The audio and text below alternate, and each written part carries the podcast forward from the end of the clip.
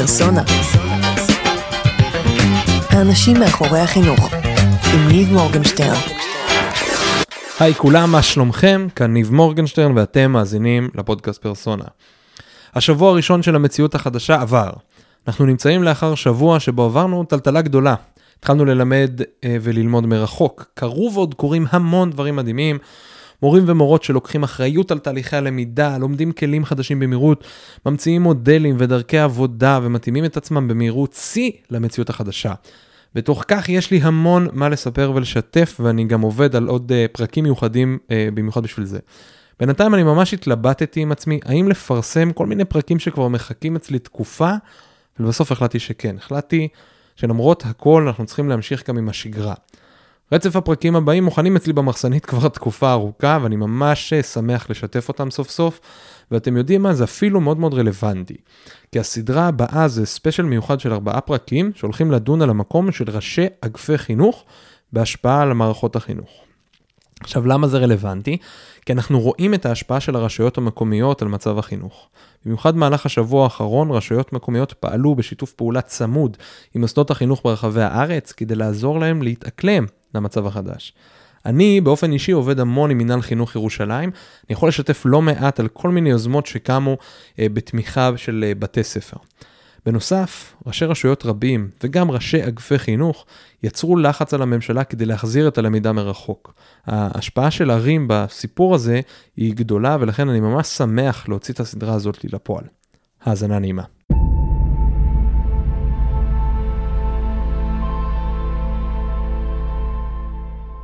בתחילת הסרט פאץ' אדמס, פאץ' מגיע למרכז טיפול בפגועי נפש. בין האנשים מסתובב פרופסור בשם ארתור, שכל הזמן פותח ארבע אצבעות מול העיניים של אנשים אחרים ושואל אותם, כמה אצבעות אתה רואה? כולם אה, עונים לו ארבע, ואז הוא צועק עליהם שהם לא יודעים שום דבר. באיזשהו רגע אינטימי בתחילת הסרט, פאץ' מגיע אליו לחדר. הוא מתקן לו איזושהי כוס נוזלת, והפרופסור מחזיק את האצבעות מול הפנים שלו ושואל אותו, כמה אתה רואה? אז הוא אומר לו, יש כאן ארבע אצבעות, ארתור. הוא עושה לו, לא, לא, לא, לא, לא. תסתכל עליי, אתה מתמקד בבעיה. אם אתה מתמקד בבעיה, אתה לא יכול לראות את הפתרון. אף פעם אל תתמקד בבעיה, תסתכל עליי, כמה אתה רואה. תסתכל מעבר לאצבעות, כמה אתה רואה. פאץ' בוהה, הוא פוזל קצת ועונה, שמונה. יש, יש התרגשות גדולה מאוד בחדר, וארתור אומר לו, תראה את מה שאף אחד אחר לא רואה. את מה שכולם בוחרים לא לראות, מפחד, מקונפורמיות, מעצלנות. תראה בכל יום את העולם לדרך חדשה. אני ממש אוהב את הסיפור הזה, הוא, הוא מזמין אותנו להסתכל על אנשים, על הבעיות, על הסביבה שלנו בדרך חדשה, להעיז ולחשוב קצת אחרת. כשמדברים על הבעיות במערכת החינוך, מסמנים כל מיני דברים. שכר המורים, מעמד המורה, בעיות משמעת, שר החינוך, משרד החינוך. ועוד הרבה הרבה. אני לא מקל בבעיות האלה לרגע, הן בעיות קשות, מורכבות, צריך לפעול ולתת להן את הפתרון. אבל מערכת החינוך, הבעיה במערכות החינוך ברחבי העולם, היא מזכיר קצת את איך שקוראים לבעיות אה, בעולם האקלים. זה נקרא wicked problems. זה בעיות uh, מורכבות, מרושעות, כן? שאם אני מושך במשהו אחד, אני לא יודע איך משהו אחר משפיע. זה לא שיש איזה פתרון אחד, קסם שיפתור את הכל. וכאן בפודקאסט פרסונה, אני בוחר להביא אליכם את האנשים מאחורי החינוך. האנשים שמסתכלים מעבר לבעיות, שבוחנים אותם בדרכים חדשות ומנסים למצוא להם פתרונות מקוריים בתוך המסגרת שבה הם נמצאים. הפרק הזה הוא פרק פתיחה לספיישל של ארבעה פרקים, שבהם נפגוש ארבעה אנשים שאני קורא להם שחקני אמצע. זה אנשים שמשפיעים בצורה רחבה מאוד על מערכת החינוך שלנו בישראל, למעלה, למטה וגם לצדדים. אנחנו הולכים לדבר על מה זה בכלל שחקן אמצע, מי הם אותם שחקני אמצע שאנחנו הולכים לפגוש, קצת על מה שר החינוך של העולם או של אירופה חושב על ישראל, ומה העיר קשורה לכל הדבר הזה.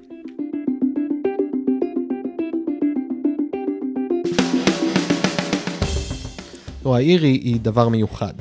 בשנת 2007 קרה דבר מדהים. זו הייתה הפעם הראשונה בהיסטוריה של העולם שבה רוב האוכלוסייה חיה בערים ולא במרחבים כפריים. וכיום, 55% מאוכלוסיית העולם גרים בערים, ועד שנת 2050 צפויים 70% מאוכלוסיית העולם לגור בערים. בעיר קורים כל מיני דברים מיוחדים. אנחנו צפויים לפגוש יותר אנשים, ליצור יותר אינטראקציות, ובכך גם להגדיל את הקשר האנושי. יש יותר הזדמנויות לשיח, מפגש וכמובן עסקים והזדמנויות בין אישיות שונות. אני יודע מה חלקכם חושבים, חושבים שגם העיר היא משהו שיוצר ניכור, אה, מרחק בין אנשים, כל אחד מתעסק במקום שלו, ואין ספק, הדברים הם לא שחור או לבן, אבל הערים נהיות דבר הרבה יותר אה, מהותי ודומיננטי אה, בחיים שלהם. וגם בהקשר הזה, ערים ורשויות מקומיות בכלל, אני חושב ששם תמונה הזדמנות מאוד מאוד משמעותית שאנחנו צריכים גם עליה לשים את הפוקוס בתהליכי שינוי של מערכות חינוך. אמ, וזה מעניין כי גם לערים יש המון כוח. הם נהיו שחקן מאוד משמעותי שמשפיע על החיים שלנו בהרבה היבטים. בעולם, אפשר לראות מי שמכיר את העולם הזה של אורבניזציה, יש שיתופי פעולה שונים בין ערים חזקות בעולם. ערים מובילות תהליכים מאוד מאוד משמעותיים בתחומים כמו תחבורה, אנרגיה, קיימות וכמובן חינוך. העיר בעצמה היא סוג של שחקן אמצע שיכול להשפיע מאוד על מערכות החינוך שלנו. וראשי אגפי החינוך משחקים שם תפקיד משמעותי בעולם החינוך.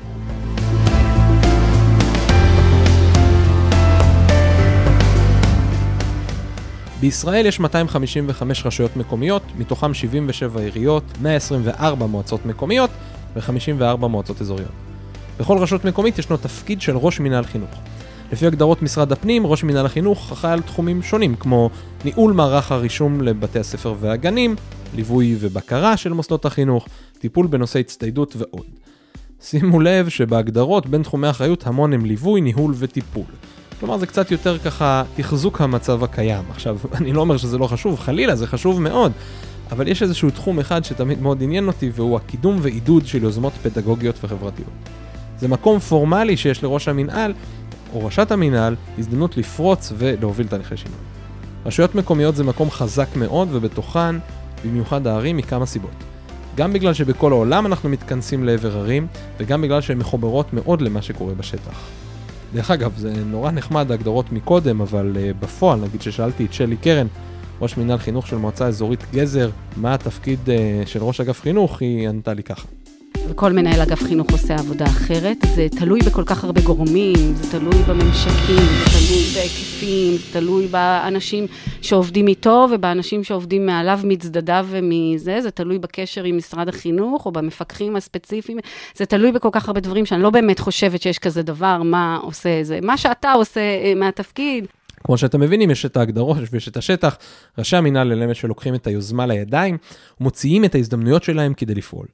אז למה דווקא רשויות מקומיות? כמו שאמרתי, הם שחקני אמצע.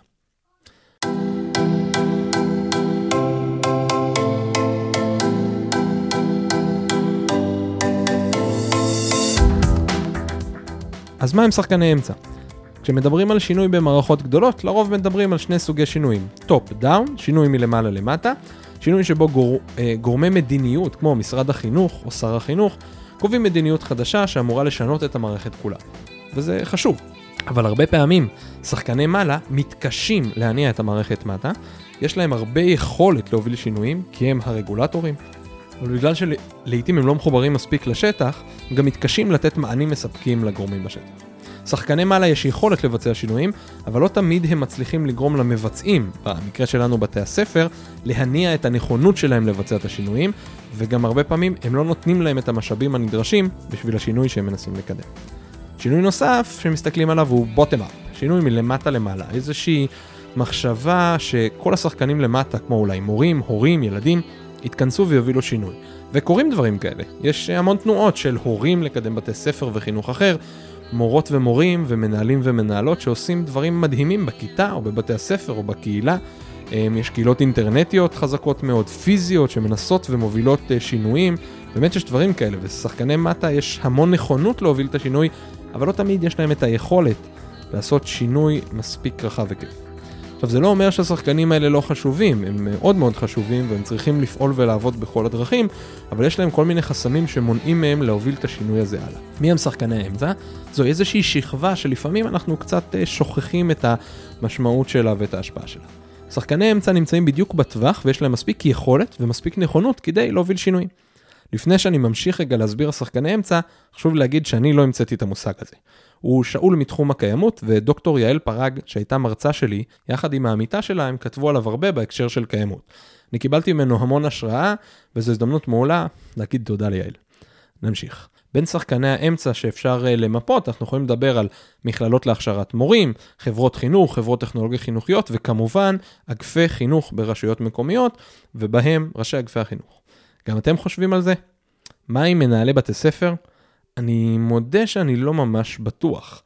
יש להם נכונות גבוהה, זה נכון, אבל לא תמיד יש להם מספיק יכולת ומשאבים להוביל את התהליכים שלהם. זו שאלה מעניינת, הם בהחלט עושים שינויים מאוד משמעותיים, אבל הרבה פעמים השינויים שלהם נשארים בתוך הגזרה של בית הספר הספציפית שלהם. אבל זו עדיין שאלה חשובה. בסדר, בסדרה של הפרקים הקרובים אנחנו נשמע ראשי אגפי חינוך אמ, ואת המשמעות ואת ההשפעה שלהם על הסביבה. יש להם המון יכולת ונכונות להשפיע גם למטה על המנהלים, המורים וההורים, מחוברים לשטח היטב. ומצד שני, שחקני המעלה אה, מתייעצים ומקשיבים להם לא מעט ומושפעים מהם. זאת אומרת, משרד החינוך אה, אה, והממשלה, לצורך העניין שר החינוך, והם גם כמובן, עוד פעם, שחקני אמצע משפיעים מעלה, מטה ולצדדים, אז כמובן שיש להם גם הרבה פעמים השפעה אחד על השני. הם מדברים אחד עם השני, הם חברים בפורומים משותפים, חלקם, כמו שתשמעו, גם חברים ועברו דרכים משותפות ביחד. אז כמו שתשמעו בפרקים הקרובים, תראו את ראשי אגפי החינוך שמשפיעים ומובילים מהלכים משמעותיים מאוד, לוקחים אחריות על החינוך ברשות שלהם ופועלים להוביל שינוי. דרך אגב, גם שר החינוך של ה-OECD חושב שראשי אגפי חינוך הם שחקנים מאוד מאוד משמעותיים.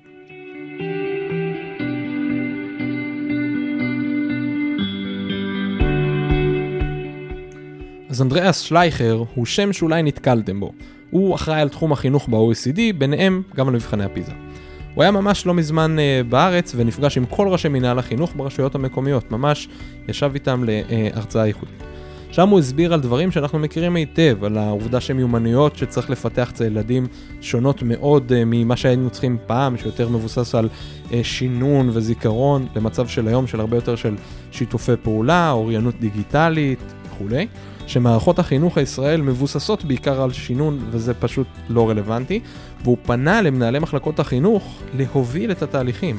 מתהליכים שקשורים לסוגיות של שוויון, כמו להזמין מורים להביא, אה, לבוא לפריפריה ולעשות כל מה שביכולתם כדי להוביל תהליך, תהליכי חינוך רלוונטיים.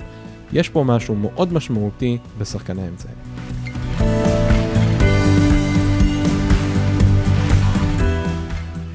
אז מה יהיה לנו בארבעת הפרקים הקרובים?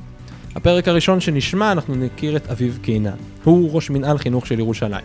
מדברים על עיר עם 900 אלף תושבים, מתוכם 280 אלף תלמידות ותלמידים.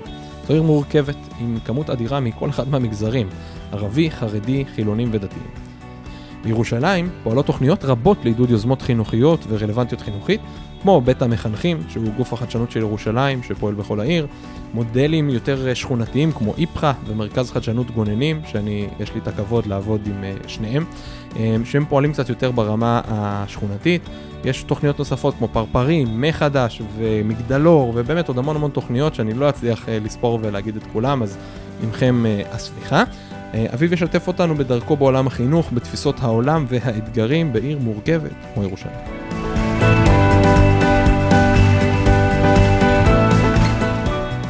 לאחר מכן אנחנו נפגוש את שירלי רימון. שירלי מנהלת את מנהל החינוך בתל אביב-יפו, נבחרה לאחת ממאה האנשים המשפיעים בישראל בשנת 2019. בתל אביב-יפו יש קרוב ל-80 אלף תלמידים ותלמידות. שירלי ואביב אמנם עברו דרכים רבות ביחד, אבל יש להם תפיסות עבודה שונות. דיברנו על הדרך שבה היא פועלת עם המנהלים ומה שהיא קוראת לו קומה 2, הקומה של מנהל החינוך, מה היא חושבת על ציונים, ספוילר, היא לא מאמינה גדולה בהם, אבל גם לא מאמינה בלהכריח צוותי חינוך לוותר עליהם. יש המון פרויקטים מדהימים שקורים בתל אביב-יפו, כמו פורצי דרך, מחלקת הורות, שלדעתי זה אחד הדברים הייחודיים, ואני לא מכיר עוד רשויות שמפעילות מחלקה שלמה כזאת, ובאמת עוד מהלכים שונים, זו הייתה שיחה מרתקת. הפרק השלישי יהיה עם שלי קרן, לשעבר ראשת מועצה אזורית בחריש, והיום מנהלת מנהל החינוך של מועצה אזורית גזר. היא תיתן לנו זווית ראייה של רשות שאיננה עיר. שלי עברה דרך מרתקת וגם היום היא מתפקדת כראש אגף חינוך, במקביל להיותה מנהלת תוכנית להכשרת מנהלים של מכללת לוינסקי במסגרת אבני ראשה.